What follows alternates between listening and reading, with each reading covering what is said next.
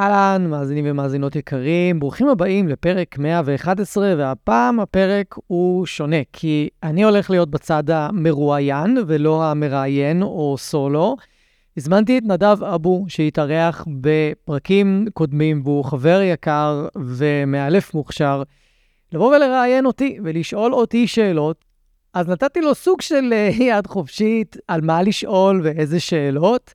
סך הכל הוא הגה את השאלות לבד, ודיברנו על נושאים רוחניים, דיברנו על נושאים עסקיים, אישיים, אה, אילופיים, די כיסינו את כל הנושאים, וזו הזדמנות עבורכם להכיר אותי, לתת לכם הצצה קצת לתוך העולם האישי שלי, לצורה שאני חושב, לדעות שלי, ואולי תתחברו ואולי שלא.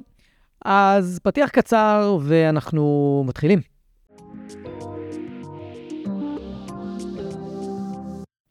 ברוכים הבאים לפודקאסט מחשבות של כלב. שמי גיא תיכון, ואני עוזר לבעלי כלבים להתגבר על בעיות התנהגות מורכבות עם הכלבים שלהם בשיטות המבוססות על תגמולים וחיזוקים בלבד. אני מאמין שחשוב לגדל ולאלף כלבים כיום בראייה הוליסטית, ולא מספיק לגדל אותם בראייה התנהגותית בלבד. אני מעביר תהליכי ליווי אישיים, סדנאות וקורסים דיגיטליים לבעלי כלבים וגם למאלפים שמחפשים להתפתח ולצמוח. בכל יום שישי יעלה פרק חדש בנושא מרתק, דרכו אלמד אתכם להבין כלבים ברמה עמוקה יותר, מה שיסייע לכם לשפר את הקשר איתם ולחיות בצורה הכי טובה ביחד. אם אתם נהנים מהתוכן, אשמח שתשתפו אנשים אחרים שמגדלים כלבים וגם הם יוכלו ליהנות מהפודקאסט. תודה שאתם מקדישים לי מזמנכם, המשך פתיח קצר ומתחילים.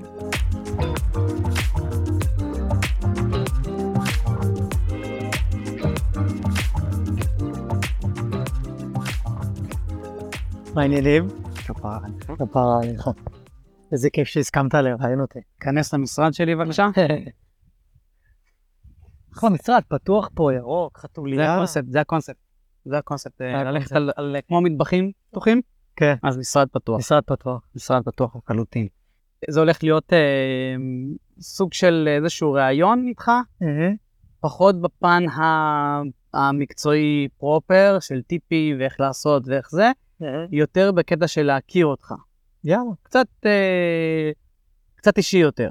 אז, אז אני אהיה עם, עם אה, דפים, כי אני לא אזכור את כל השאלות. אה, ואם יש לך איזו שאלה שלא בא לך לענות עליה וזה, אז אתה חייב לענות עליה. לא, אין פה רשות, בסדר?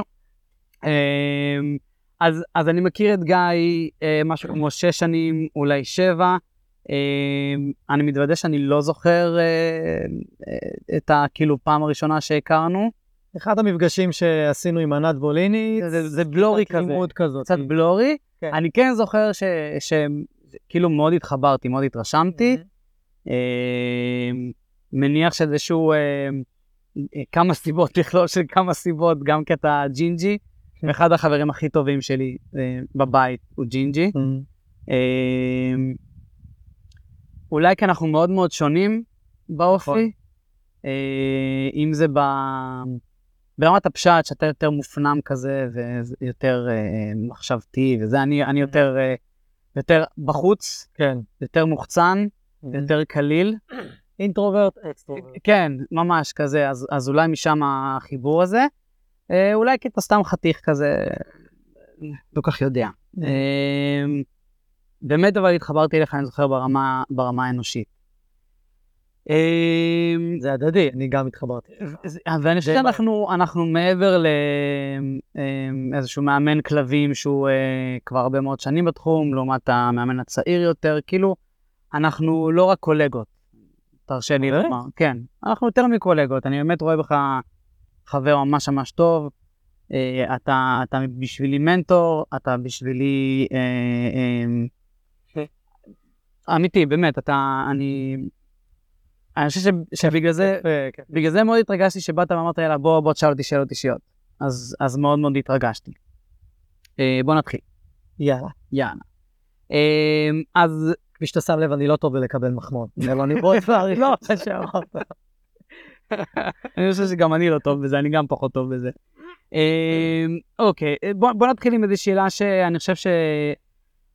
אני מאמין שכן נגעת בה בפודקאסט, אבל אולי, אה, אולי לא כל כך התייחסת לזה. אה, אני זוכר, אני, כשאני הכרתי אותך היית מאמן כלבים בגישה החיובית, אני כן. לא ידעתי בזמנו שאתה קרוז חופר, שהיית, בכלל התחלת כמאמן כלבים אברסיבי, קלאסי, אני לא ידעתי את זה בהתחלה, אוקיי. אה, אה, זה התגלה לי יותר מאוחר. אה, אבל מה שכן, אה, אני חושב שמאוד מעניין אותי, זה מה היה לפני. לפני שהייתי מאלף כלבים? מה היה לפני, כן, מה... הרי לא סיימת אה, תיכון ו... ו... כן. היה תיכון, תיכון?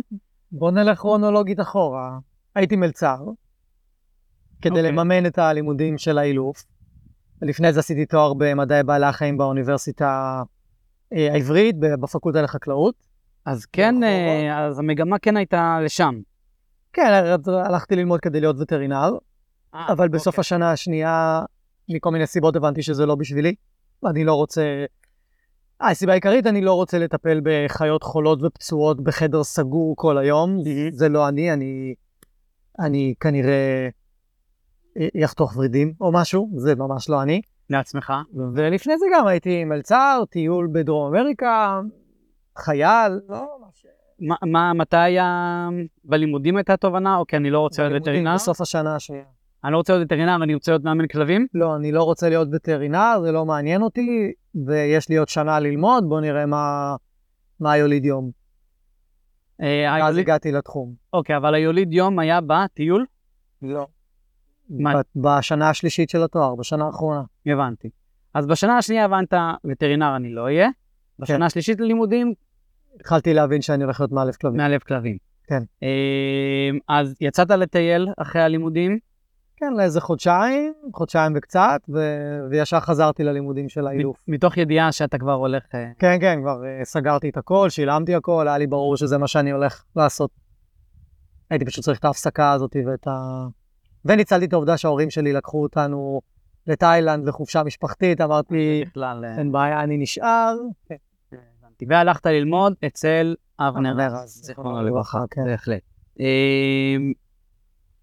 אני צולל איתך קצת יותר פנימה. אה, היה לך רגע שעמדת ואמרת לעצמך, וואלה, אולי אני לא... אה, אולי אני לא טוב בזה? אולי אני לא מספיק טוב בזה? אולי בכלל אה, טעות? אולי אני אפרוש? כל יום. כל יום? כל יום. אה, אני זה בא לי ב... כן, זה בא יותר בא בגנים כאלה. כן, זה בא יותר כשאתה פוגש או, או עובד על מקרה או תהליך שאתה לא מצליח בו, או מקבל פידבק מאוד לא טוב, משהו לא מסתדר שם, ואז זה בולט יותר, אבל אני, אני לא חי באיזה תחושה שאני איזה מאלף טוב או מאלף על, או... זאת. אני מודע לזה שאני עושה עבודה טובה, אבל אני לא תופס מעצמי מומחה. מומחה או משהו כזה, אני פשוט מבין שאני עושה עבודה טובה ויודע לעבוד ויודע להעביר אנשים תהליכים, אני חושב שזה עיקר, ה... עיקר הכוח שלי. אני יודע להעביר אנשים תהליכים, שזה אולי אחד הדברים הכי חשובים למטפל התנהגותי, שרוצה בהחלט, לעזור כן. לבעלי כלבים לפתור בעיות מורכבות, שיש בהם רגרסיות וקשיים ואתגרים, וזה פוגש אותנו במקומות מאוד קשים לפעמים, של תסכול וכעס ואכזבה מהכלב.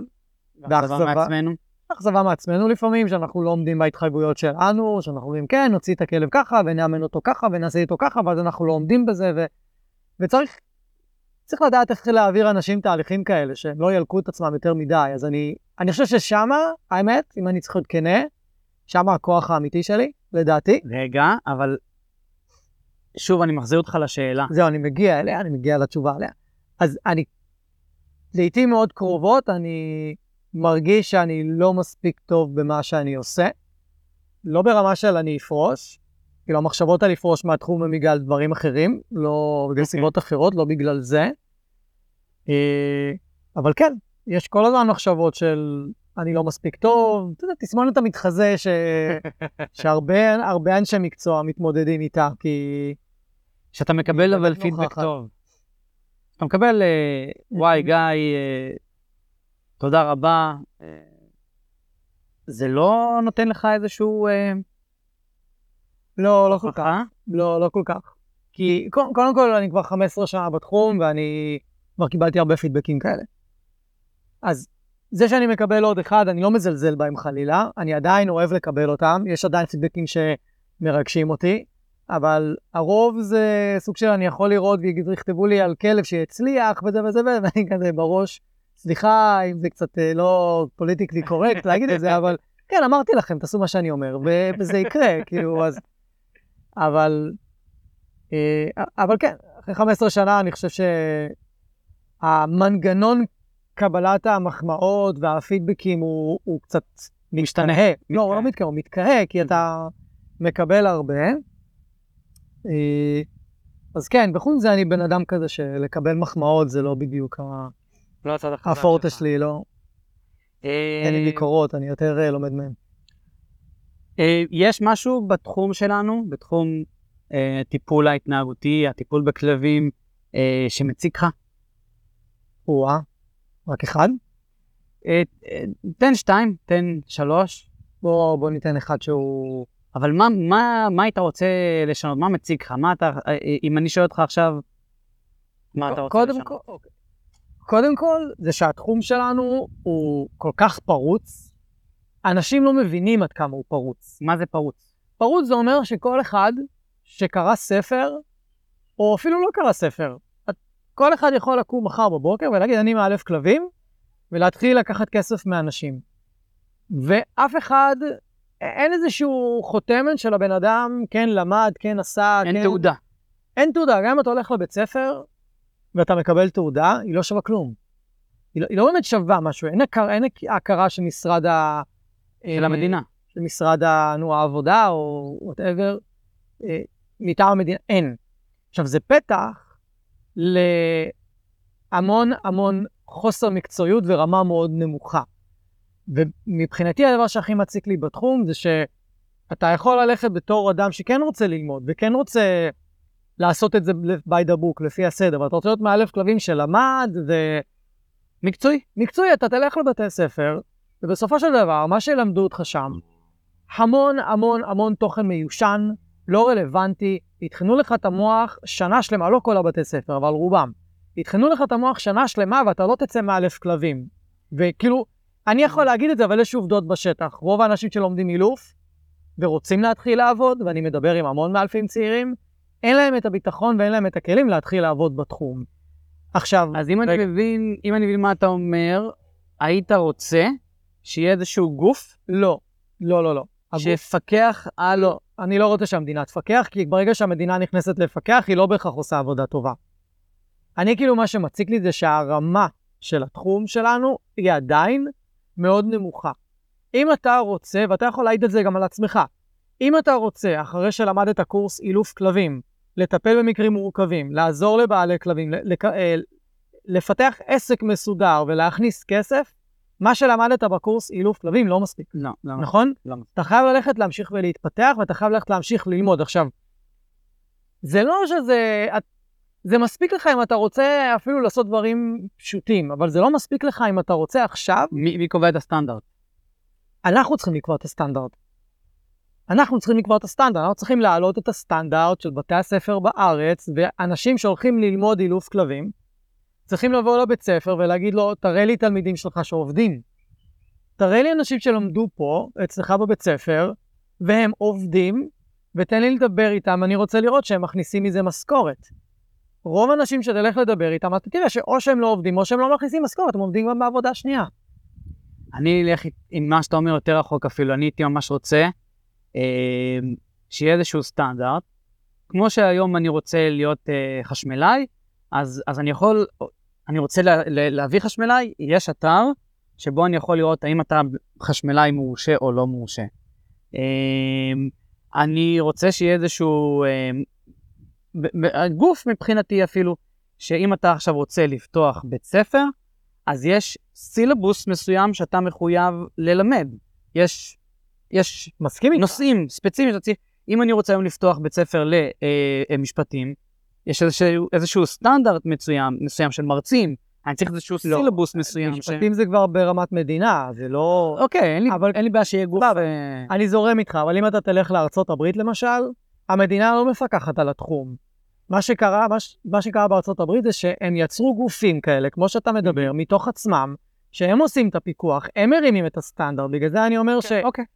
אנחנו רוצים שהסטנדרט יתרומם, זה יבוא מאיתנו, זה יבוא דרך איזה גוף כזה. עכשיו, גוף כזה, תהיה לו בעיה לפקח על בתי ספר בגלל ההבדלים בין הגישות. גם אם אתה רוצה שיהיה סילבוס, אז מה, אז אחד ירצה ש... שבסילבוס יהיה על חנק ודוקרנים וכאלה, ואחד ירצה שיהיה בלי זה, רק על פורסרי. כן. אז יש כאן בעיה די גדולה בלייצר איזושהי אחידות בשביל שיהיה אפשר, ש... שגוף יוכל לפקח עליה. אבל המינימום שבן אדם יכול לעשות עבור עצמו, זה ללכת לבית ספר שהוא שוקל ללמוד בו, ולהגיד לי, תראה לי אנשים שעובדים, ותראה לי שהם מתפרנסים מזה. כי אם הבית ספר מוציא מאלפים שעובדים ומתפרנסים, זה אומר שמה שהוא מלמד הוא איכותי, הוא עובד, הוא טוב, ואפשר ליישם אותו בשטח. ואם אין לו מספיק בוגרים כאלה, הוא לא, את, לא אל תלכו ללמוד שם. חד משמעית, אל תלכו ללמוד שם. אה, עוד משהו? יש עוד משהו שמציק לך בתחום? לא, אני חושב שזה הדבר שהכי מציק לי, שאני רואה מאלפים יוצאים מבתי ספר, והם מפחדים לעסוק בתחום, כי הם מבינים באיזשהו מקום שאין להם מספיק ידע, אין להם מספיק כלים, והם לא מקבלים מספיק ביטחון. זאת אומרת, בתי הספר לא דוחפים אותם, ולא מכוונים את החומר לימוד, את הסילבוס, שמההתחלה הם יסיימו את הקורס והם כבר יכולים להיות מטפלים התנהגותיים. זה לא הולך לשם. כמעט באף בית ספר זה לא הולך לשם.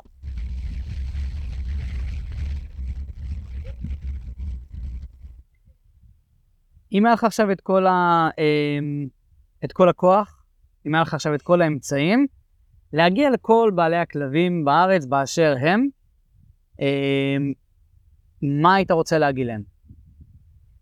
תורידו את הציפיות שלכם. פשוט תורידו את הציפיות שלכם. אוקיי, זה הולך קצת יותר אחורה. למה לאנשים לדעתך יש היום כאלה ציפיות מטורפות מכלבים? מההתנהגות שלהם שהם יהיו הכי טובים וממושמעים, וזה- למה? שאלה טובה. מאיפה זה בא? מהכלב של השכן? או, אבל לדעתי לא. אז... הוליווד. סרטים כמו לאסי שובי הביתה. מה לאסי? אבא טובע באגם וצריך ללכת להציל אותו, כאילו, הוליווד הכניסה לנו לראש שכלבים יכולים להיות איזה יצורים עם יכולות על, אוקיי?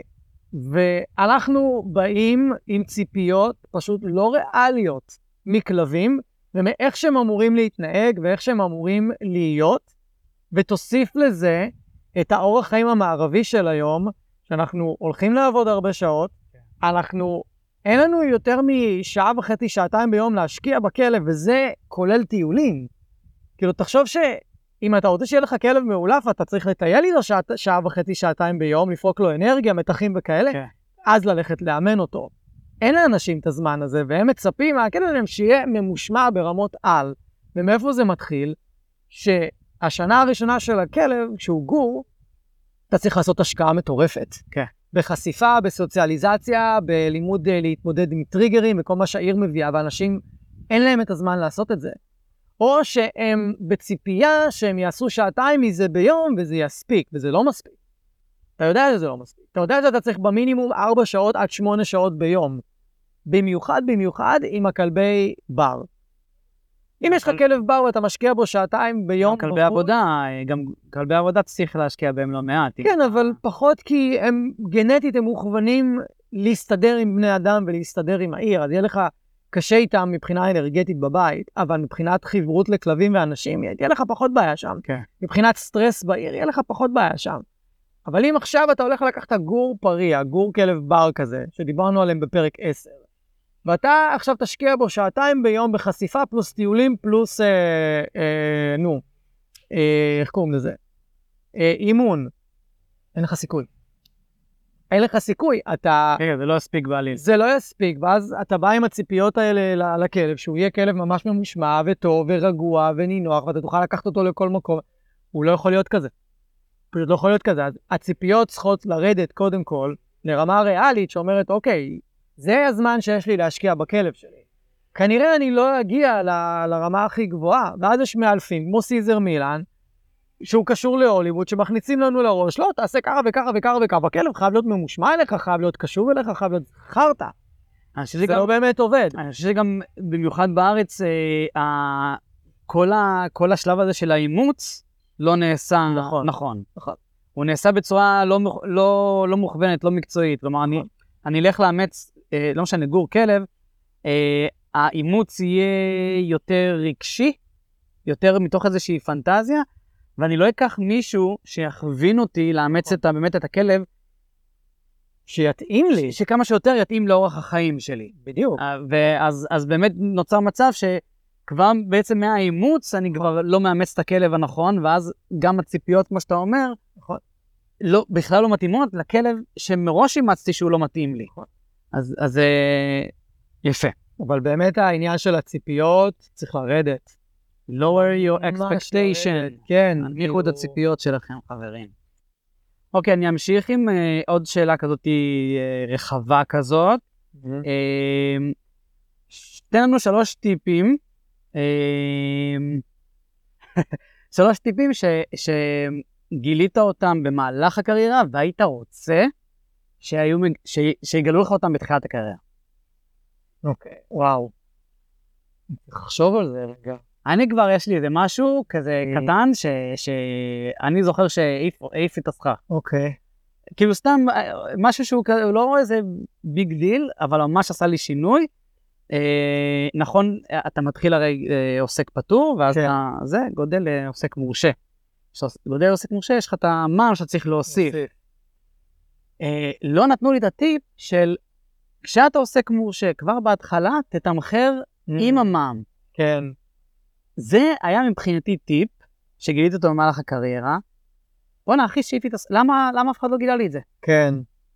כן. כעסתי, אחי, כעסתי. למה אה. אף אחד לא גילה את הטיפ הקטנצ'יק הזה, שבואנה, אחי, הוא, הוא ענק. כן. יש לך טיפ, שניים, שלושה, שאתה יכול להגיד שגילית אותם, ואמרת לעצמך, וואי, אז אוקיי, אז אחד, זה לאו דווקא קשור לאילוף כלבים. אחד, זה כל מי שיש לו עסק ורוצה לפתוח עסק, רוצה להיות עצמאי, מהרגע הראשון שפותחים עסק, ללכת לקבל עזרה ולייצר ממש חזון לעסק ואסטרטגיה של איזה לפחות שלוש שנים קדימה, שהיא לא קשיחה, אפשר לשנות אותה, אבל שמישהו יישב איתי ויגיד לי, זה יהיה עסק רווחי שלא ישחוק אותך, וזה יהיה עסק רווחי שישחוק אותך, וזה יהיה לא רווחי, ובעצם לבנות את ה... היום הייתי בונה את העסק שלי אחרת. אם אני היום מאלף כלבים, וואו.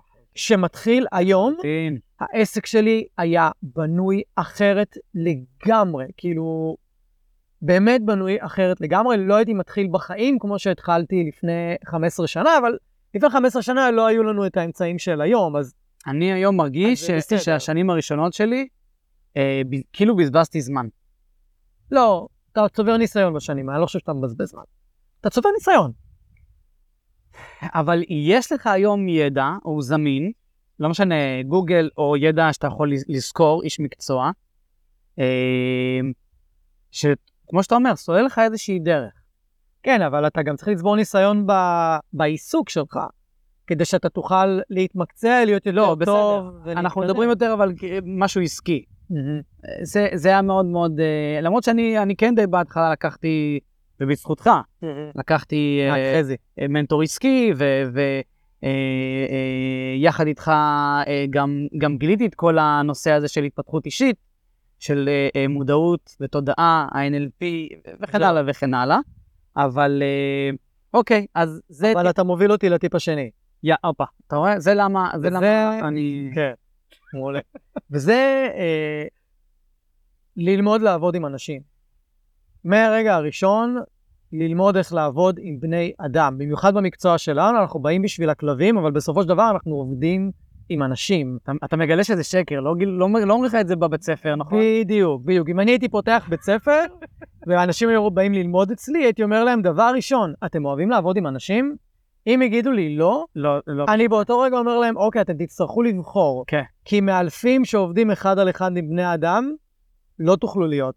אתם תצטרכו לכוון את העסק שלכם למקום אחר. אולי אונליין בלבד, אילופי פנסיון בלבד, להיות מאלפים שבאים ועושים עבודה עבור מאלפים אחרים באיזושהי קונסטלציה, אבל ללכת להחזיק תהליכים ולעבוד מול בני האדם ולשמוע את התלונות שלהם, את הבעיות שלהם, כנראה זה לא יתאים לכם. יהיה לכם קשה. יהיה לכם מאוד קשה אז. עכשיו, מי שזה כן מתאים לו, אז ללמוד איך לעבוד עם בני אדם. בגלל זה הלכתי ללמוד NLP. ממש עשיתי קורס חצי שנה ב-NLP שנתן לי המון הבנה על איך עובדים עם בני אדם ולהבין בני אדם, והיום כשאני נגיד עובד עם הצוות שלי, חנית באה אליי איזה יום אחד ומספרת לי על, על גבר שהיא מלווה אותו יחד עם הכלב שלו והמשפחה וזה, והיא אומרת לי, הוא מאוד כועס על זה שהכלב לא מתחבר אליו. ואמרתי לה, כאילו, היא אמרה לי משפט אחד, ואמרתי לה, תקשיבי, לדעתי יש לו חוויית דחייה מהילדות. אתה לא מבין איך קלעתי בול. היא שאלה את אשתו כזה בשיחה פרטית, כי אתה יודע, אנחנו רוצים לעזור לאנשים, ואם הבן אדם לא בא ואומר מה באמת מפריע לו, למה הוא באמת מתעצבן על הכלב? זה לא כי הכלב לא עושה את הדברים שהוא אומר. כן. זה יושב לו על איזה פצע פנימי, ברור. אה, ואשתו אמרה, כן, נכון, זה נכון. אחרי שאתה יודע את הדבר הזה, נכון, היכולת שלך לעזור לבן אדם היא הרבה יותר גדולה.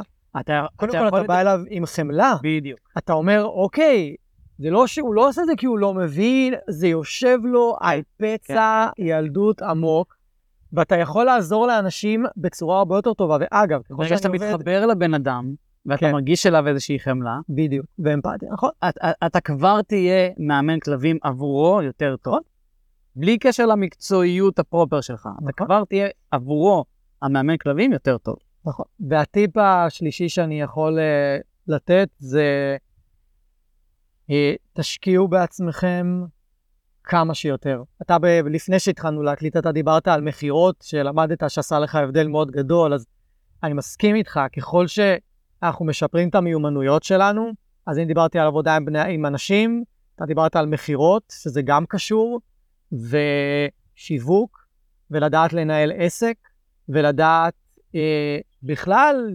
לפתח משמעת עצמית של לקום בבוקר ולעשות את הדברים שצריך לעשות. כלומר, בבית ספר לאילוף למדתם את הפן המקצועי. זה לא מספיק, חבר'ה. לא. צריכים, לעסק יש עוד אה, אה, אה, פנים, אופנים. יש עוד, יש עוד חלקים שאתם צריכים ללמוד אותם. בלי קשר, אני ממליץ לכל בן אדם ללמוד מכירות. אה. ללכת להשקיע 5,000 שקל באיזה קורס אונליין על מכירות, החיים שלכם ישתנו. החיים שלכם ישתנו, פתאום אתם תקבלו יותר דברים שאתם רוצים. האמת גם מול בני הזוג. ברור. בני זוג, ילדים. מול הבוס בעבודה, זה לדעת לנהל משא ומתן, זה לדעת לעמוד על, ה... על שלך, לדעת בכלל להעביר למה חשוב לך לקבל משהו, למה חשוב לך שמשהו מסוים יקרה, או אם אתה רוצה סתם אפילו, לעשות איזה משהו שאתה יודע שהבת זוג שלך לא הכי עפה עליו, איך להציג לה את זה שהיא כן. תעוף על זה. אתה נוגע בנקודה כאילו, אמ, אה, אה, בת הזוג הנוכחית שלי, אמ, אני חושב בחודשים ממש הראשונים של המערכת היחסים שלנו, אה, אה, באה ושאלה אותי, איזה מניפולציות או איזה דברים אתה עושה, על, עשית על, על בנות הזוג שלך, או אתה עושה עליי, שאתה עושה על, על לקוחות שלך. אז ישר עלה לי העניין של המכירות, כן.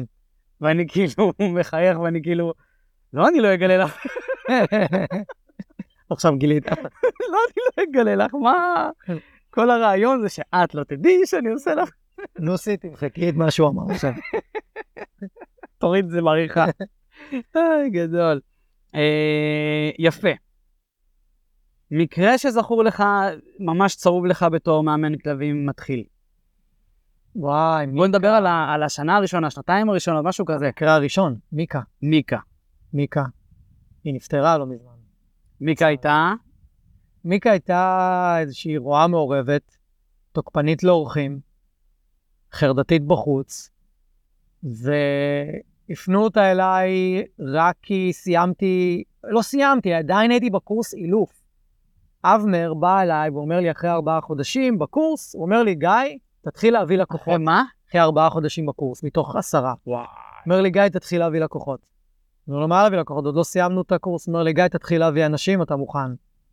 אומר לי, תביא אותם אבל לפנסיון ואנחנו נעזור לך. עכשיו, זה היה אחד הדברים הכי גדולים שאבנר עשה בשבילי. להגיד לי באמצע הקורס, תתחיל להביא לקוחות. להניע אותך. אל תחכה לסוף הקורס, ואל... אה, תתחיל להביא לקוחות. אני הלכתי, הבאתי את אחד המקרים היותר קשים שהיו לי בשנים הראשונות שלי כמאלף, זה מה שהיקום רצה, וקיבלתי המון עזרה ב- בעבודה עם מיקה. בפנסיון מהמדריכות שליוו אותי, אורית ושרון, ו... אה, אבל אני זוכר שבאתי לאבחון ולא ידעתי מה לעשות, אז נכנסתי הביתה, ומיקה תוקפת אותי, לא נושכת, תוקפת אותי, נובחת לי פה ליד הראש, ואני כולי מנסה לשחק אותה קול כזה, יושב, וכאילו, לא, אני מתעלם ממנה, אמרו לי להתעלם ממנה. היום בתור מאלף, אני יודע שהייתי ככה קרוב מלקבל ביס, והכלבה הייתה על הפרצוף שלי. והייתי מאלף מתחיל, לא הבנתי כלום. זה הסתדר בסופו של דבר, כי הם הביאו אותה לאילוף פנסיון, ועזרו לי איתה שמה, ועבדנו איתה המון, והחזרנו אותה הביתה, והיא התנהגה פי אלף יותר טוב ממה שהיא הייתה, וזה עבד. אני לא ממליץ לאנשים לעשות את זה. אני ממליץ להתלוות קודם למאלף שתראו איך לעשות את זה. אבל זה היה המקרה הראשון שלי, ואני זוכר ש... אני זוכר שלא כל כך הצלחתי איתה בפנסיון, היה, כמובן, היה לי חסר ניסיון כן. ו- ומיומנויות, אז עזרו לי מאוד. לכן אני לא ממליץ לקחת כזה מקרה לבד, אלא, אלא קודם כל להתלוות למאלף, ואם לקחתם כזה מקרה ראשון בתור מאלפים צעירים, תשלמו למאלף ותיק שידריך אתכם מה לעשות, אחרת זה... הסיכוי שזה לא יעבוד הוא גבוה. איזה מדהים זה שאתה זוכר אחרי 15-16 שנה את הדבר הזה. אני לא אשכח את כמה, כמה, כמה זה... ככה ליד הראש, ונובחת עליי, ואני זוכר את העיניים שלה שהיא מסתכלת והיא כעסה עליי, כאילו נכנסתי בדלת. אבל אני בחיים לא אעשה את זה, אבל לנו טקס כניסת אורחים מסודר, סתם. מתוך אה, סקרנות, אתה זוכר את המקרה הזה, ה- ה- הזיכרון, הוא, הוא מה, הוא חיובי, שלילי, אה, פשוט זיכרון. כן? הוא לא מקוטלג אצלך כאיזה... לא, אוקיי. פשוט זיכרון. הוא פשוט זיכרון. מה, בראייה- בראייה אחרת אתה יכול לקטלג אותו כחיובי, באותו רגע לא כל כך, לא ידעתי לקטלג אותו. הזיכרון נוסף זה מג'וני, ה- הסלוקי שדפק לי חתיכת ביס ב- באילוף שלו. סיפרתי עליו ב- בפרק על אה, תובנות מ-15 שנה של מאלף כלבים. הוא דפק לי חתיכת ביס מול הבעלים. דם, כאילו... דם מול הבעלים, מה ש... זה גם הכלב השלישי או החמישי שהילפתי. אה, וזה קרה רק בגלל שנתנו לי הנחיות לא נכונות לאיך לעבוד עם כלב אה, אגרסיבי, תוקפן לבני אדם. אה, אוקיי. זה ההנחיות אני שקיבלתי בב- בבית ספר לאילוף. ממשיך עם, ה, עם הקונספט של זיכרונות על מקרים. אה, זיכרון אה, ש, שיושב לך חזק מהשלב שבו עברת לאילוף החיובי. יגי. יגי, בלי צל של ספק. יגי היה המקרה ששינה את הכל. גם סיפרתי עליו בפרק על התובנות. יגי היה בולמסטיק של 82 קילו, ואני התחלתי לעבוד איתו בערך שנה אחרי שעברתי לפורס פרי, ועדיין לא הייתי סגור ב-100% על אם אני יכול לאלף כל כלב בגישה הזאתי. ביקום, היקום פשוט אומר לי, שומע, אני שולח לך את המקרה הזה שיסגור לך את הפינה הזו. תוכיח לעצמך שכן. כן, עכשיו מה הקטע? אני גרתי בצור יגאל, הם, הם גרים בראשון לציון. זה חתיכת מרחק. כן. ברגע שאמרה לי בטלפון, אנחנו בראשון לציון, אחרי איזה שתי דקות שיחה, אמרתי לה, תקשיב, אני אעביר אתכם הלאה, אני לא... והיא אומרת לי, לא, לא, לא, אנחנו כבר אחרי שלושה מאלפים, וקיבלתי המלצות עליך, אני, אני לא מחפשת עוד מישהו, בוא תקשיב שנייה ותגיד לי אם אתה לא רוצה בכל זאת. אמרתי, אבל זה בראשון. אם אני יכול לבוא אליכם זה רק בימי שישי וזה יעלה יותר כסף. אומרת לי, בסדר, בוא תקשיב רגע. ברגע שהיא אמרה לי, יש לי בול מאסיף של 82 קילו, בן שלוש וחצי, כבר נשך שלושה אנשים, I'm in, כאילו, I'm in. בואי, מתי נפגשים? כאילו, לא אכפת לי המרחק, לא אכפת לי כלום. בואי ניפגש, בואי תגידי, בואי נראה מה... אתה הבנת שזה זה מקרה שאתה צריך לקחת עבורך. זה מקרה שאם אתה בתור איש מקצוע לא לוקח, אוקיי? והט- והטווח נסיעה הוא עדיין סביר, בסדר? זה לא עכשיו טיסה לאילת או לבאר שבע, זה לא הייתי נוסע. גם לא הייתי נוסע לחדרה או אשקלון או... לא, חדרה, כן, לא הייתי נוסע לאשדוד, סליחה, או אשקלון וכאלה, אבל ראשון, ימי שישי, בסדר, אפשר לנסוע. אבל אתה מבין באותה נקודה שהיא אומרת לך את ההיסטוריה ואת הנתונים של הכלב, ועל מה הוא נמצא היום? על דוקרנים אחרי חשמל, לא בעצם אני לא זוכר מה חשמל, אבל על דוקרנים עם מחסום ואי אפשר להכניס אנשים הביתה ואי אפשר לטייל איתו, אתה אומר, אוקיי, זה מקרה שיכול לשנות לי את הקריירה. כן, כן, זה בדיוק מה שאני שאם אני מצליח פה, וואו, זה יכול להיות הדבר הכי טוב שקרה לקריירה שלי. אתה מבין את זה באותו רגע? בגלל זה אמרתי לה, I'm in, ברגע שהיא סיפרה לי את, ה, את, את המקרה. יש לי כזה זיכרון מאיזה כלב, שאני זוכר גם, שאמרתי, וואי, זה יהיה Game Changer, אבל uh, זה הפך להיות גם הכישלון, ה... הכישלון המפואר שלי. Uh, בדיעבד, דווקא אני חושב שזה לימד אותי הרבה. אם אתה יכול לקחת את הכישלונות האלה וללמוד מהם, אני, אני כן. בזכות הכישלון הזה, בזכות הכישלון המפואר הזה, אני, אני, אני חושב, כן? אני חושב שזה הכישלון שלימד אותי היום להתמודד עם כישלונות.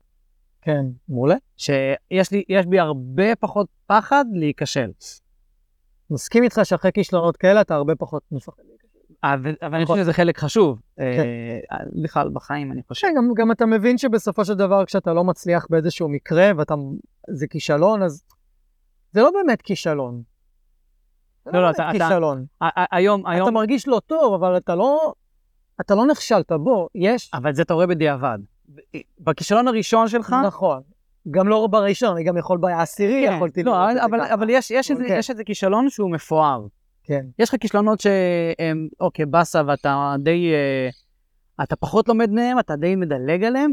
יש איזה כישלון שהוא מפואר, שמרסק אותך, גורם לך להיות באיזה כן. תקופה של באסה, מסכים. ואז הצמיחה ממנו נכון. היא זו שבדיעבד באה ואומרת לך, אוקיי, זה היה כישלון מפואר, יצאת ממנו, הנה, אתה רואה שיצאת ממנו, קח את זה כשיעור. לגמרי. אה, אז, אז כל כישלון אחרי זה, אני, אני באמת חושב ש... רגע, אבל נכשלתי שם, כבר התפתחתי מזה. או, זהו, אם אתה באמת יודע לקחת ולהתפתח מזה, ואנחנו צומחים מכאב, כן, כן. אנחנו לא צומחים מעונג, אז אם אנחנו יודעים לקחת את הכאב ולצמוח ממנו, אז on the other side יש מקום יותר טוב. נכון, יש חוזק. יש כן. חוזק. וגם דודו טסה שר על זה שיר. עדיף כמובן. כישלון מפואר אה, מאשר חלומות במגירה. לחלוטין. אה, אנחנו עוברים הלאה. חוזר לנקודה של המעבר הזה מאילוף הקלאסי לאילוף החיובי. אה, זו פשוט נקודה שמאוד מעניינת, אה, לפחות אותי. אה, זו הייתה אה, תובנה, הערה, נקודה ספציפית שבה אמרת, וואלה, יש משהו בצד השני, או שזה בכלל אה, תהליך. המע... אני מדבר על המעבר מהגישה הקלאסית Mm. לזה. אני חושב שאצלי זה היה תהליך, לא הייתה לי איזה הערה או תובנה. היה לי איזה מומנט עם גילי שהחלטתי להפסיק לתקן אותה ולהתחיל לחזק אותה כשהיא רואה כלב. אני גם מספר על זה ב... בכל פרק כמעט אני מזכיר את גילי, אז אפשר לה... רוב המאזינים אני בטוח מכירים את הסיפור. אז היה מומנט, אבל זה לא היה רגע הערה. זה כאילו היה רגע ששינה הרבה דברים, אבל התהליך של המעבר לפורסי היה תהליך. ואני חושב שהוא התחיל עוד בבית ספר אצל אבנר, כי אבנר היה מדבר המון על הגישה החיובית, והיה המון מדבר על זה שגם אנחנו עובדים חיובי, למרות שהשתמשנו בענישה, ושזה החיובי האמיתי, הוא קרא לזה, שגם מלמד את הכלב גבולות ונתקן אותו כשצריך וכאלה. ו... והוא תכלס חשף אותי לגישה החיובית, ואז... אה, כלומר, אתה לא הגעת לבית. ספר, אתה לא הגעת לבית ספר מתוך הבנה וידיעה לא, שיש גישות. לא, לא, אני גיליתי את הגישות תוך כדי הבית ספר, ואחרי שסיימתי אותו בפורום כלבים בתפוז, שהיה כמו קבוצות פייסבוק של היום, שם רצית מידע, שם הלכת לקבל אותו, לגבי כלבים, והייתי מומחה של הפורום באיזשהו שלב, ושם היו התנצחויות בלתי פוסקות עם נוגה רונן, המורה שלך, ותלמידים שלמדו אצלה, ותכלס הגישה החיובית הייתה כל הזמן ברקע. היא כל הזמן הייתה שם. זה לא שיום אחד גיליתי אותה. אוקיי. לא, היא מהרגע הראשון, מה- עוד כשלמדתי, היא הייתה שמה, מנקרת, מקרקרת, מזכירה לי שהיא שמה, וכשהתחילו להתאסף יותר ויותר מקרים של חוסר הצלחה בגישה המסורתית, אז התחלתי יותר לבדוק מה קורה בצד השני. לאט לאט, יש... עוד אה, בהדרגה. יש, יש אה, אה, מקרה, או שוב, איזשהו מומנט, רגע של החלטה שבו אתה אומר, אוקיי, אני, אני רוצה להיות רק פורס פרי. יש איזשהו מקרה שבו אתה אומר, אוקיי, פה אני רוצה כבר להיות לא, פורס פרי לגמרי. לא, אבל היו שני מקרים בדיעבד שאני יכול להגיד לך שהם נתנו לי עוד, עוד פוש רציני לכיוון החיובי, אני לא אכנס אליהם לעומק, אבל אחד היה ג'ר, פיריני גזעי, שנשך את האישה ביד בכמה מקומות ופצע אותה די רציני. לאישה שלום, אבל פצע אותה די רציני. ובזמנו אני רציתי לאלף אותו עם קולר אלקטרוני. באמת אילפתי אותו עם קולר אלקטרוני, בסוף הם, הם ויתרו על הקולר, הם המשיכו איתו עם דוקרנים או חנק, אני לא זוכר, אולי דוקרני. ובהמשך גם העברנו אותו לאלטי. וככל שהתמתנתי עם השנים, אז העברנו אותו לאלטי. ואני זוכר שלא רציתי לקום בבוקר לעבוד איתו בפנסיון עם הקולר החשמלי. זוכר שסבלתי מזה ממש. ממש סבלתי מזה, לא רציתי, וזה ממש זכור לי מאוד מאוד מאוד חזק. הזיכרון הזה צרוב חזק. כזיכרון ש, שאני זוכר שנמאס לי. נמאס לי לתקן אותו, נמאס לי להעניש אותו, נמאס לי לחשוב על באיזה עוצמה אני צריך לחשמל את הכלב כדי שהוא יגיב לי. לא יכולתי לסבול את זה, זה לא יכולתי לסבול את זה, הוא היה הכלב האחרון שעבדתי איתו עם חשמל נראה לי, או שאולי ג'יני הייתה האחרונה, הביגלית. אה, והמקרה השני היה עם אה, בולדוגית צרפתייה מאוד אגרסיבית לכלבים. מאוד אגרסיבית לכלבים. שום דבר לא עזר. לא דוקרנים, לא חנק, לא להעניש אותה, שום דבר לא עבד. לכלבה לא מעניין אותה, היא תתקוף כלב גם אם מקבלת תיקונים. וגם אותה רציתי לשים על חשמל, הבעלים לא הסכים, והיום בראייה אחורה, אני יודע שאם הייתי עובד איתה חיובי, הייתי הופך את הכלבה ב-180 מעלות. יש לי את היכולת להסתכל אחורה. אז, אני חייב ולא, להגיד... ולא ידעתי אז, לא ידעתי אז, אבל אלה שני מקרים שאני מסתכל אחורה ואני אומר, fuck it, כאילו, איך, איך עד היום, 15 שנה אחורה, אה קדימה, 10 שנים קדימה, אתה עדיין רואה, מאלפים עובדים רק במסורתי, והם לא יכולים לראות שזה, שזה לא מתאים עם הכלב, זה דופק את הכלב, זה הורס אותו, הם עדיין לא רואים את זה. אני חושב שזה אחד, שזה אחד הדברים שנורא אה, מסקרנים אותי אצלך. אה, נורא מושכים אותי. אה, זה שיש לך את הפרספקטיבה, Mm-hmm. אה, את התהליך הזה, את המעבר הזה. הרי אני לא, אין לי, אין לי את המעבר הזה, אני לא עושה את המעבר הזה. Mm-hmm. אז המעבר הזה, התהליך שעשית, אה, הוא אותי מאוד מאוד מרתק. אני חושב שהפרספקטיבה שיש לך, כאחד שעשה את, עשה את המעבר הזה, הוא, הוא, אה, זה ממש מרתק, זה מדהים מבחינתי. יש לך, אני, אני חושב שלמאמני כלבים שעשו cross over, יש איזושהי עוצמה, אה, אה, יותר, יותר ממאמני כלבים אה, שצמחו מה-force free. אה, אני לא יודע... אני לא בטוח, כי אני מבין מה אתה אומר, אבל אתה צריך גם לקחת בחשבון שמאלפי cross over, שעבדו כמה שנים טובות בענישה וזה עבד להם, כל הזמן ידגדג להם לרצות להשתמש בענישה, כי, כי זה עבד ויש היסטוריה של הצלחות. אני, אני לא יודע... לעומת מאלף פורסרי שאף פעם לא עבר. הוא, הוא ישר הגיע כמאלף פורסרי והוא... הצורת חשיבה היא אחרת. הצורת חשיבה היא, היא, היא יותר 100 אחוז. יש, יש משהו בניסיון שלך ובנקודת מבט שלך אה, שמוסיפה להיותך מאמן כלבים. זה בכל מיני אופנים, אני לא יודע בדיוק איך אה, לנסח את מה שאני רוצה להעביר. או... אני מבין מה אתה אומר.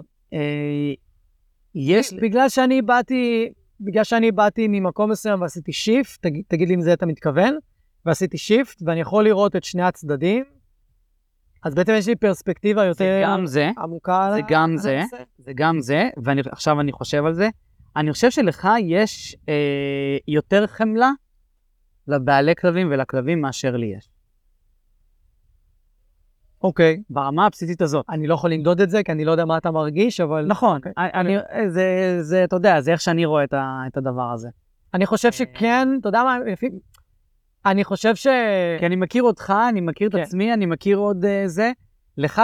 למאמני כלבים פחות שיפוטיות. אני בא עם פחות כן, שיפוטיות. לאנשים שעבדו עם הכלבים שלהם בענישה, זה, והם רוצים לעשות את המעבר. כן. אני בא עם הרבה פחות שיפוטיות, וזה כן. כי אני יודע איפה הם היו, אני יודע... שוב, אני הייתי שם עם גילי. זה המון אבל, יודע, זה המון. אני יודע כמה זה... אני יודע כמה זה מפתה, וכמה זה הגיוני, וכמה אתה, אתה יכול... אתה יכול לצלול לתוך בור מאוד מאוד עמוק של ענישה, ועדיין לצפות שזה יעבוד. כן. אוקיי? כן, כן, כן. עדיין לצפות שזה יעבוד, עדיין לצפות שהנה אתה תעשה את זה וזה יעבוד, והנה אתה תעשה את זה וזה יעבוד, ולא, וזה לא עובד, ואתה צולל עוד ועוד ועוד, וזה לא עובד לך, או משהו לא משתנה, אתה לא מקבל את התוצאות שאתה רוצה, ואז פתאום אתה עושה איזה משהו אחד אחרת, כמו שעשיתי עם גילי, ואתה תופס את הראש. נכון, נכון. אתה אומר, זה היה פה כל הזמן. אז, אז אני חושב יש לי לא מעט לקוחות כאלה. בזכות, בזכות ה, ה, באמת ה, אני, ה, ה, לבוא נקי הזה, לבוא באמת אה, מחוסר שיפוטיות, אה, יכול לייצר לך חיבור הרבה יותר מהיר, הרבה יותר נוח, מהמם. עם בעלי הכלבים. יכול להיות. וגם עם הכלב באיזשהו... אבל פה מתחבר מה שאמרתי בהתחלה, של ללכת ללמוד לעבוד עם בני אדם, כן. וגם נכון. אם לא עברת את מה שהם עברו, בטוח עברת משהו בחיים שלך, שעשית איזשהו שיפט מאוד מטורף, אתה יכול להשתמש בו, שאתה יכול להתחבר לרגש שהיית בו שם, כן. ואז אתה יכול לבוא ולראות אותם באור יותר, אה, עם יותר חמלה.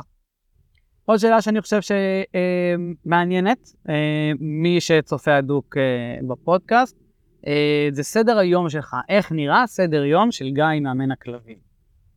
אוקיי. אז עד לפני כמה שנים הסדר יום שלי היה בעיקר לענות לטלפונים, לענות לוואטסאפים וללכת לשיעורים. זה היה. לפני שנתיים חל שיפט מאוד מאוד גדול, שאני עברתי להיות יותר יוצר תוכן, פלוס מאלף כלבים.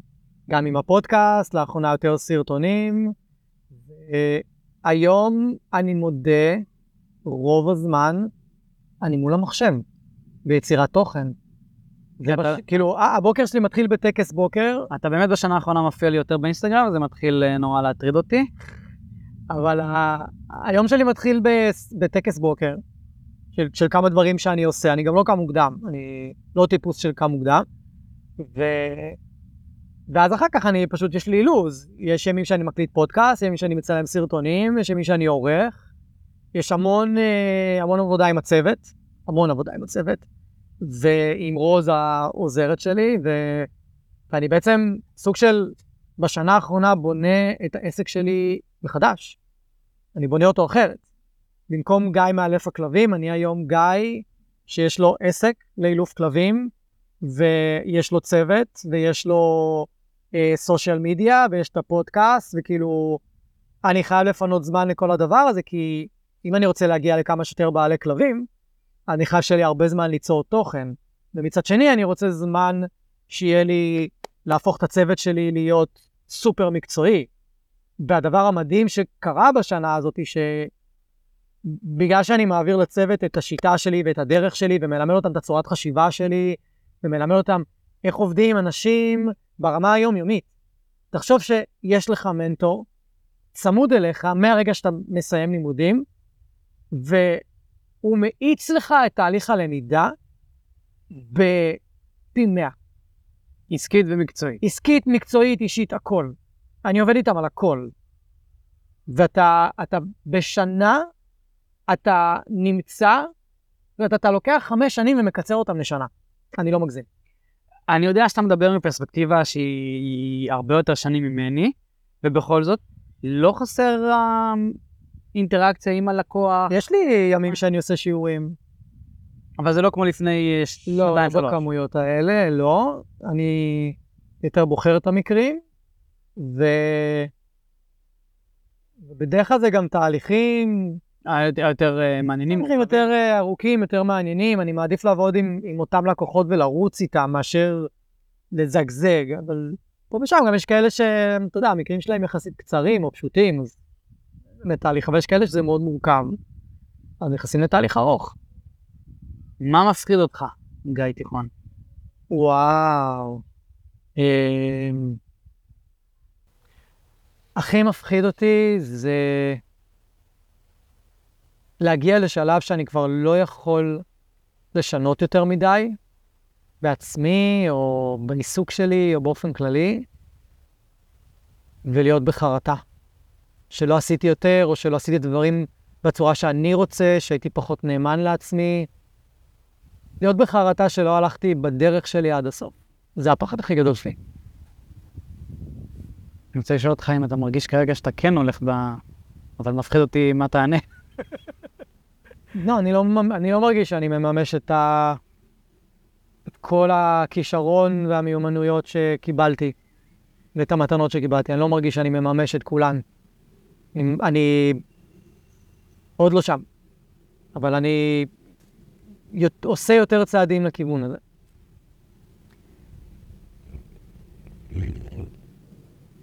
אני אספר רגע מה אני אה, חווה מהרגע שנהייתי אה, מאמן כלבים, ונורא מסכן אותי אם אתה חווה, חווית את זה. אה, מאז שאני נהייתי מאמן כלבים, עצמאי, אה, מאז שהתחלתי לקרוא לעס, לעסק שלי, לי, נדב מאמן הכלבים, אני מרגיש שיש בי שני אה, אנשים. יש את נדב אה, אבו, Mm. ויש את נדב מאמן הכלבים. כאילו יש, אני ממש אה, אה, יודע לשים לב מתי אני נדב אבו ומתי כן. אני נדב מאמן הכלבים. ואני זוכר שאמרתי לאחת הבנות זוג שלי בעבר, שאני יותר אוהב את נדב מאמן הכלבים. כן. אני- יש, יש בך את גיא תיכון וגיא אה, אה, מאמן הכלבים? כן, מאיפה הבאת את השאלה הזאת? אה, כן, יש. אני אם אני אני פיצול אגיד- אישיות או שזה, או שזה טבעי. לא, זה טבעי. זה טבעי מכמה סיבות. אחד, אנחנו נדרשים להביא למקום עבודה שלנו משהו אחד, שאנחנו לא צריכים להביא אותו בבית. דמות. אתה צריך להביא יותר סמכותיות אולי, יותר ידע, אתה, אתה יותר מקצועי, אתה יותר בראש, אתה, פח, אתה פחות ברגש, מה לעשות? ואתה נדרש להביא כלים מסוימים בעבודה שלך, וכלים אחרים, או מיומנויות, או פרסונה אחרת. אז כן, אני מאוד מתחבר לזה. אה, אבל אני כן אגיד שבשנתיים האחרונות אני עובד על לקרב בין הפרסונות. שמי שאתה תפגוש אותי כמאלף כלבים, לצמצם את ההבדלים. כן, לצמצם את ההבדלים, אז זה מי שאתה תפגוש כגיא, ואני מצאתי את זה מאוד מאתגר.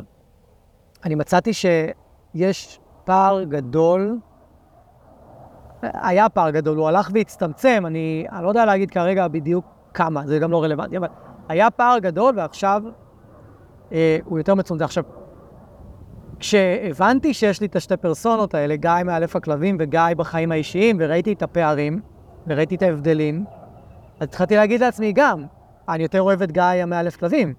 אני חושב שהוא הוא יותר סמכותי, הוא יותר אסרטיבי, הוא יותר יודע מה הוא רוצה, יותר הוא מוצלח, הוא יותר מוצלח. בוא, אני באמת מרגיש שאדם מאמן הכלבים הוא אה, בן אדם יותר מוצלח. כן, אבל אתה מבין את האבסורד של מה שאתה אומר? כי לא, ברור לי, ברור נדב לי. מאמן הכלבים זה נדב, אתה. יכול בכל רגע להיות, להיות נדב מאמן הכלבים בכל סיטואציה אחרת אישית בחיים שלך. אני חושב שהתחיל להיות לי קשה עם זה, שנכנסה לי התובנה הזאת והמודעות אה, שיש את השני הדברים האלה, אוקיי? אה, כי כשהייתי ללא זוגיות, סבבה, והייתי נדב מאמן הכלבים, אז אתה יכול להיות נדב מאמן הכלבים כמעט לאורך כל היום, סבבה? אתה קצת יותר תוכן, אתה עם עם פגישות, אתה... כאילו אתה יכול להיות נדב מאמן הכלבים, אתה, לא, אתה, אתה, יכול, אתה יכול להשאיר אותו דלוק. גם נדב מאמן הכלבים מקבל הרבה יותר חיזוקים בדיוק, מנדב בדיוק. הרגיל. אז, נכון. אז לי ההבדל התחדד יותר שהייתי בתוך מערכת יחסים. ואז פתאום היא נותנת לך איזושהי מראה הרי, והיא עושה לך פרצוף וזה כזה, אתה פתאום אומר, רגע, אה... בתור נדב אבו הצגתי לה שאני רומנטיקן, אה, למשל, סתם נגיד זה. נדב מאמן הכלבים הוא לא... אה, אבל זה רומנ- לא נדרש ממך להיות נכון, נכון. רומנטיקן. כן, זה ברור. לא- נדב מאמן הכלבים אין לו את ה feature של הרומנטיקה. כאילו, הוא לא צריך את זה, אין את ה... אני אני חושב שמה ש... מה שבסופו של דבר מאחד בין הפרסונות, זה שאתה בחיים האמיתיים שלך ובחיים המקצועיים שלך, אתה פועל לפי אותם ערכים. אם אתה פועל לפי אותם ערכים, אז אתה תהיה אותו בן אדם. פשוט אתה לא צריך, אתה לא צריך להיות רומנטיקן בעבודה. אתה יכול במידה מסוימת, זה יכול לעזור, בכל מיני דברים, אבל רומנטיקה נגיד בחי... בעבודה, אני יכול לקחת את זה למקום של אה, מישהו שלא מאמין שהתהליך יצליח, ואתה יכול אשכרה להביא את הרומנטיקה הזאת ולהגיד לו, למה? בוא תדמיין רגע עוד חצי שנה מהיום. אתם הולכים בחוף הים, ועובר כלב, והקש שלך לא מתפרץ עליו, אתה, כי אתה יכול להביא את זה לשם. אני, עושה, אני עושה את זה, בזמן האחרון אני כן עושה את זה. מעולה, אבל אז כשהתחלתי את התוכניות ליווי של. החצי שנה עם כלבים ריאקטיביים, אז באמת אה, הכנסתי את, את הכלי הזה. לדמיין. כן, כי אתה לוקח אותם כן. לתהליך ארוך, ולהרבה אנשים קשה קצת אה, המחויבות הזאת נכון. לכל כך הרבה זמן. אז צריך לתת להם vision. קטע שאתה הבאת את העניין הזה. זה כן. עכשיו, כי לי עכשיו אני, אני יותר מודע לזה, לא, לא הבנתי שזה מה שאני עושה. כן. יפה. אני, אני הייתי יותר רוצה להביא לחיים האישיים שלי יותר, יותר אה, אסרטיביות. בעבודה שלי במקצועי, במקצועי אני יכול להיות מאוד אסרטיבי, לפעמים יותר מדי, אה, ובחיים ה- האישיים אני יכול להיות פחות. יותר לדפוק חשבון למה, למה לזוגיות, יגידו. זוגיות מול ההורים, מול אנשים בכללי. ובעבודה אני פחות חושב על מה יגידו, כי ברוב המקרים אני יודע יותר טוב. בוא, בוא, כאילו, אני יודע יותר טוב מה, מה צריך לעשות ואיך הדברים יכולים לעבוד. עם כל הכבוד. אה, רוצה לזרוק אותך קדימה לעתיד. אה, אם אנחנו רוצים, היה לך פרק עם אה, שני רוזן על כן. אה, איך, ה, איך העולם האילוף, תחום האילוף, אה, הולך להיראות. אה, תן לי איזה כמה נקודות שאתה רואה איך עולם אילוף כלבים הולך להתפתח. מה. הכיוון שלו? אה, איך. הולך להיראות סשן אה, בעוד... אה, אני חושב לא. שאנחנו לא נכיר את תחום האילוף בעוד עשר שנים מהיום, זאת אומרת, נסתכל בעוד עשר שנים מהיום אחורה, ואנחנו, זה, זה פשוט לא יהיה אותו תחום. 90% ממנו לדעתי יהיה באונליין. וירטואלי. וירטואלי, בין אם זה מציאות מדומה, בין אם זה דרך AI, בין אם זה בעיקר ליווי מרחוק. אתה, אולי יהיו כבר הולוגרמות שעובדות כמו שצריך, ואתה יכול לשים את עצמך כהולוגרמה בבית של הבן אדם ולהראות לו מה לעשות עם הכלב. זה קצת מטריקסי. כן, אבל אני חושב שבעוד עשר שנים אנחנו, אולי לא הולוגרמות, אני לא יודע, אבל AI, בטוח, בוודאות. אפילו אולי פחות מעשר שנים. מציאות מדומה, בטח. אני מודה שקשה לי עדיין לראות AI בתוך התחום. אני מודה שאני לא... תגיד לי, אתה עשית ב ChatGPT, ביקשת ממנו שיכתוב לך תוכנית מסודרת באנגלית, על איך לטפל בכלב ריאקטיבי, מבוסס חיזוקים, step by step. עשית את זה? אוקיי, אז הוא ייתן לך תוכנית, אבל מי, מי כתוב ל, ל, לעשייה עדיין יש הבדל. פה נכנס המציאות המדומה, או מטה. מטה. מה הבעיה להתחבר עם בן אדם לעולם מטה שלו, ולעשות שם אילוף על הכלב שלו, ובן אדם יכול להתאמן על כלב וירטואלי, ואיך תיישם את זה בכלב שלך. מה הבעיה? הרי אתה מאמן את המוח לעשות משהו מסוים, הוא ידע לעשות אותו פיזית. אתה גם למדת אצל שמעון, אה... למה ברח השם משפחה שלו פתאום? קסלסי. שמעון קסלסי, שהכל מתחיל במחשבות. אם אתה תצליח לדמיין ולחשוב את מה שאתה רוצה, זה יבוא לידי ביטוי ברגש, ויבוא לידי ביטוי בהתנהגות, ויבוא לידי ביטוי בתוצאות, נכון? הדבר הראשון שעולה לי זה קצת פחד, סבבה, אבל... אה, אוקיי, אני... כמעט ולא יהיו מאלפים שעובדים פרטנית בשיעורים לבוא לאנשים כן, הביתה. טוב. זה כבר לא יהיה. יהיה לנו טכנולוגיה שתחליף את זה. תהיה טכנולוגיה שתחליף את זה, חד משמעית.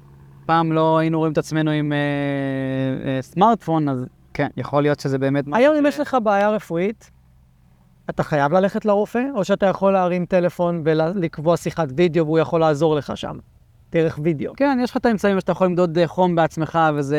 יפה. הנתונים הולכים אליו. כן, יפה. אוקיי. אני מבין לאן אתה הולך עם זה. אוקיי? זה גם, אה, בוא, יש המצאות היום על קולרים שמודדים אה, מדדים פיזיולוגיים של כלב. זאת אומרת שאתה יכול להגיד לבן אדם, שים את הקולר על הכלב, כדי שאני אדע מרחוק אם הוא מתחיל לעלות ברמות סטרס שלו יותר מדי, גם בלי לראות את הכלב. דופק, אה, נשימות, כן. לחץ דם. בדיוק. אה, אוקיי, הבנתי. אנחנו נכנסים לעולם וירטואלי, אם נרצה או לא נרצה. כן. אני, אני אולי כנראה עדיין לא מספיק רוצה. יש אף אחד לא רוצה. י- גם אני לא רוצה. יש לי משהו עדיין, אה, תקרא לזה שוב רומנטי, אולד פשני, אני, אני מאוד אוהב את, ה, את האינטראקציה הפיזית עם הכלב, עם הבעלים. יש, ספק. יש, יש אני לא משהו- חושב שזה יחליף, במאה, שזה יחליף לגמרי. בכל זאת, זה עבודה עם כלב, יצור חי, שאתה... בדיוק. אבל אה, הרבה מהדברים שאנחנו מלמדים יעברו לאונליין, ו- ומעט יישאר כ- כמשהו מעשי פיזי עם הכלב. יש עוד משהו שבתחום, אני מדבר על התחום עצמו, שעוד לא עסקת בו, עוד לא למדת אותו, אה, שאתה רוצה ללמוד אותו, שאתה רוצה... תזונה. לה- תזונה? תזונה. הכי מעניין אותי. אוקיי. אני חושב שזה נושא מאוד רחב ומאוד... כן. אה, זה... ואני גם נוגע בו המון בפודקאסט ובכלל, אבל תזונה בעיניי זה... זה ה-game changer כמעט לכל מקרה. שאלה אחרונה, גיא תיכון. דבר אליי. אמ, רגע. שאלה אחרונה, גיא תיכון. כן. אני יודע, אה, אנחנו עשינו הרבה ביחד אה, דברים. אה, כל הנושא של ההתפתחות האישית, אה, עשית NLP, אתה עובר כל הזמן תהליכים אה, שהם, שהם אה, לתודעה ו- והתפתחות עצמית. אה, אותי מסקרן, מעניין לדעת אם זה דברים שאתה הבנת שאתה רוצה ללכת וללמוד, לעבור את התהליכים האלה כדי לפתח את העסק שלך, או שזה התחיל בכלל משהו הרבה יותר אישי, והאם זה משהו שאתה הלכת אליו מתוך הבנה שזה העתיד שלך, אתה רוצה יותר לעסוק בזה, ופחות בעולם האילוף. אוקיי. אתה הולך למקומות רוחניים. סבבה. אה, רוחניים, ואולי גם אה, להבין לאן גיא תיכון אה, הולך. כן, אבל זה מאוד רוחני. בוא, אני אני גם אגיד למה.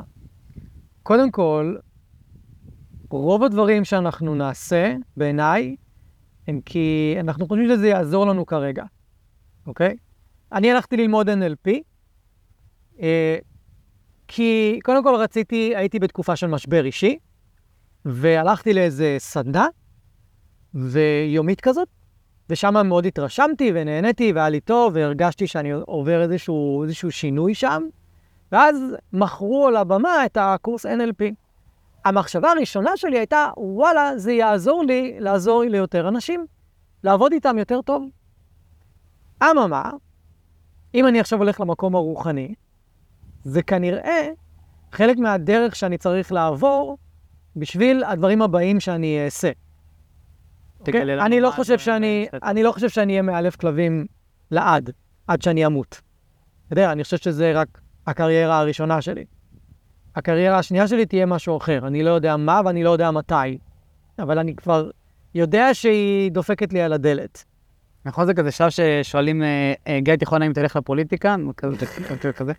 לא, כבר היה תיכון אחד בפוליטיקה. תיכון. אז כאילו, יש כאן שאלה שהיא מצד אחד פרקטית מעשית, שהתשובה עליה היא פרקטית מעשית, רציתי לעזור לאנשים. בסופו של דבר יצא שדרך הקורס NLP נפתח לי עולם מטורף, רוחני ומאוד התפתחותי שלא הייתי מודע אליו, ואני גם מביא אותו המון לתוך העבודה שלי עם אנשים, ב- עם הכלבים ועם הצוות שלי. ומצד שני, אני, אני מבין שיש פה גם בחירה רוחנית כנראה, איזושהי הכוונה עליונה, או איזה משהו פנימי מאוד חזק שהכווין אותי ו- ומשך אותי לשם, דחף אותי יותר נכון. ואני חושב שהקריירה הבאה שלי, או התחום הבא שאני אעסוק, יהיה בהכרח קשור להתפתחות. אני לא רואה את עצמי עוסק במשהו אחר, אני לא יודע עדיין איך, אבל אני חושב שהוא יהיה קשור לשם. אם יש עוד מה, עוד תחום שמאוד מושך אותי כרגע ו... ומעניין אותי, זה גבריות. שהגבריות המודרנית היא... היא לא מוצלחת. אני, אני, אני חבר טוב של גיא, ואני אני רואה בחמש שנים האחרונות שהוא מאוד מאוד עובר אה, את התהליכים האישיים האלה, בגלל זה השאלה הזאת הייתה מופנית. אני, אני אישית חושב שזה, אני מאוד, אה, בחמש שנים האחרונות, כל מה שואל את עצמי כזה, לאן גיא תיכון הולך? אוקיי, כי אני רואה שהוא אה, אה, מאוד הולך לכיוון של העבודה עם האנשים יותר ויותר. אה, נכון. מתוך העבודה על עצמו. אה, אז כאילו, השאלה הזאת הגיעה מתוך איזשהו חשש אה, שאני הולך לאבד אה, איזה חבר ומנטור בעולם הכלבים, אז אה, זו פשוט שאלה שמאוד אה, סקרנה אותי. אגב, אם אתה רוצה להיכנס למקום יותר רוחני מזה, אז כל מה שבן אדם עובר עם הכלב שלו וחווה איתו, זה בעצם מראה למקום שאליו הוא צריך להתפתח. אני, אני, אני גם חושב ככה. אני רואה את זה בהמון מקרים, אולי בכל המקרים, במיוחד עם כלבים ריאקטיביים. גם. נכון, וגם חרדתיים, כן, זה פשוט מועצם שם יותר. ממש. זאת אומרת, אם אתה בתור בן אדם שיש לו כלב, מוצא את עצמך חווה תסכול מאוד גדול, וכעס, ו- ובאמת אכזבה ענקית מהכלב שלך, זה אומר דבר אחד בעיניי. יש לך, קיבלת עכשיו מצפן, כיוון חד משמעי, לאן אתה צריך להתפתח בחיים האישיים שלך. כן, כן, כן. ואם אתה לא תצליח לעשות את זה, אתה תמיד תתאכזב מהכלב. אני חושב שאנחנו רואים את זה אה, הרבה פעמים בקטע ש, אה, אה, שאנשים מאמצים כלבים שהם ריאקטיביים, נכון? אז, אז אני, אני רואה את זה בצורה מאוד מאוד ברורה, באמת, אפילו אולי 100% מהמקרים. אם אימצת כלב ריאקטיבי, יש, יש לזה סיבה. נכון. כאילו, זה לא מקרי שהכלב הספציפי, הריאקטיבי הספציפי הזה, אתה אימצת אותו. נכון. אני לא יודע, להג... אני לא, לא יודע אה, אם... אני לא יודע לגלות תמיד מה הסיבה, אוקיי? אני לא, לא תמיד... אה, אבל בטוח שיש איזו סיבה. כן. בטוח שיש סיבה. אם הכלב שלך התחיל מאוד מאוד רגוע והתפתח להיות אה, ריאקטיבי, לא משנה מה הסיבה שהוא התפתח כן. להיות ריאקטיבי, כאילו יש שם משהו, גם לגמרי. איתך. מה- כאילו, זה לא מקרי שזה קרה. לגמרי. זה קרה כי יש איזו סיבה. שוב, לא בטוח שנמצא אותה, או, או, או נצליח להעמיק, לא יודע, כן? אבל כן. אז זה, זה משהו אני שתמיד- מסכים שיש פה קשר רוחני הרבה יותר גבוה ממה שאנשים יהיו מוכנים להודות. וואו. ואני אני מסתכל על עצמי כל הזמן בהקשר הזה, עם, ה, עם, עם פפו, רוני, נוגה, אני כל הזמן ב, במקום הזה, וספציפית עכשיו שרוני מבוגרת, ראית אותה היום בבוקר באיזה מצב היא נמצאת? כן, כן. התסכול שלי ומה שאני חווה שם הוא, הוא פשוט שיעור לחיים. כן, זה, זה אתה מתמודד עם איזשהו תהליך של uh, מוות, שהוא... זו הפעם הראשונה שאני מתמודד עם פרידה. זה כל, מטורף. ה- כל הכלבים האחרים שלי והחתולים, הכל, כולם בבת, ברגע אחד, ביום אחד, משהו קרה, בום. ופה זה מת. נורא נורא הדרגתי. ופה זה פשוט קורה לי מול העיניים כל יום, ואני מבין, אני מבין משם כמה התפתחות יש לי לעבור במקום של, של פרדות, וקשה לי מאוד עם פרדות. מאוד קשה לי עם פרדות. ואני נמנע מהם הרבה פעמים. ופה אני נאלץ להיפרד בעל כורחי יום אחרי יום עוד קצת, וזה וואו. אני יודע שאני גם אצליח לעבור. את התהליך הזה עם בובה, ואני יודע שהוא יגיע, כי לא התמודדתי אותו, לא התמודדתי איתו כמו שצריך, עם הכלבה הקודמת, זיכרונה לברכה, עם סינדי. היה לי שמה, אתה רוצה תיקון. הייתה, לא הייתה שם התמודדות בכלל. אז אני יודע, אני מכין את עצמי מעכשיו שעם בובה, יהיה לי את התהליך הפרידה הזה, וזה must מבחינתי ל- ל- ל- ל- ל- אה, להיות בו. להיות, להיות נוכח שם כן. ולעבור אותו, ו- ו- ו- ולא, לא לברוח ממנו. כאילו, אם אני, אני יודע שאם אני אברח ממנו, וואו, אני, אני, אתה תפסיד התפתחות אוף, משמעותית מאוד. אני, אני, אני אחווה אה, כישלון עצמי טוטאלי. אז שאלת אותי היום בבוקר למה אני לא מרדים את רוני? אה, זה זה. אה, זה זה, אוקיי. זו אחת הסיבות. אני, אני, צריך ש, אני, אני צריך עוד להתפתח שם, ורוני, כפרה עליה, לימדה אותי כל כך הרבה בחיים שלי, וגם עכשיו שהיא... בימים האחרונים שלה, אני לא יודע אם שבועות או חודשים, היא ממשיכה ללמד אותי ו... ניקח, ולהכריח אותי ללמוד. ניקח את הקלוז'ר הזה, אה, ונסיים את הרעיון הזה באיזשהו שאלון קצת יותר, אה, לא יודע, קליל אולי. אה, אתה, אתה מכיר את ה... זוכר את התוכנית של, אה, תוכנית אירוח של יאיר לפיד בטח. בזמנו, י- היה לו איזה שאלון כזה, זה? בטח. אז אה, מצאתי את השאלון הזה, או משהו דומה לשאלון הזה באינטרנט, אה, אז אה, אני שואל אותך כמה. שאלות, התשובות אה, צריכות להיות מאוד. אה, כמה שיותר מהירות. אה, גיא תיכון, שאלה ראשונה, מתי בכית בפעם האחרונה? מתי בכית בפעם האחרונה? לפני שבוע או שבועיים ב... בטיול עם רוני, שעוד פעם קלטתי שאני הולך להיפרד ממנה ממש בקרוב, וזה זה, זה כואב לי. אם היית חיה, איזו חיה היית? או לוויתן או דולפין. וואי, כל כך ידעתי שתגיד לוויתן. אה, כל כך ידעתי. אשלם את המשפט. אני בחור מאוד מאוד...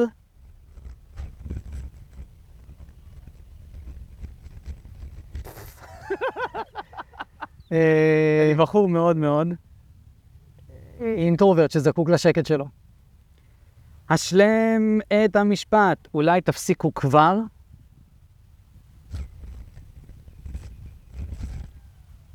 להקשיב לחדשות. אוי, יפה. היום שמעתי פודקאסט על זה. אה, איך אתה מפנק את עצמך? ולא חייבים לרדת כאילו לכל הרזולוציה. היום ספציפית, אוכל. אוכל, אוכל שעושה לך טוב. כן, אוכל. פתאום באיזה 11 בלילה אני אלך, אני אכין פנקקים, והלכה השינה של הלילה. זהו, נדפקה לגמרי.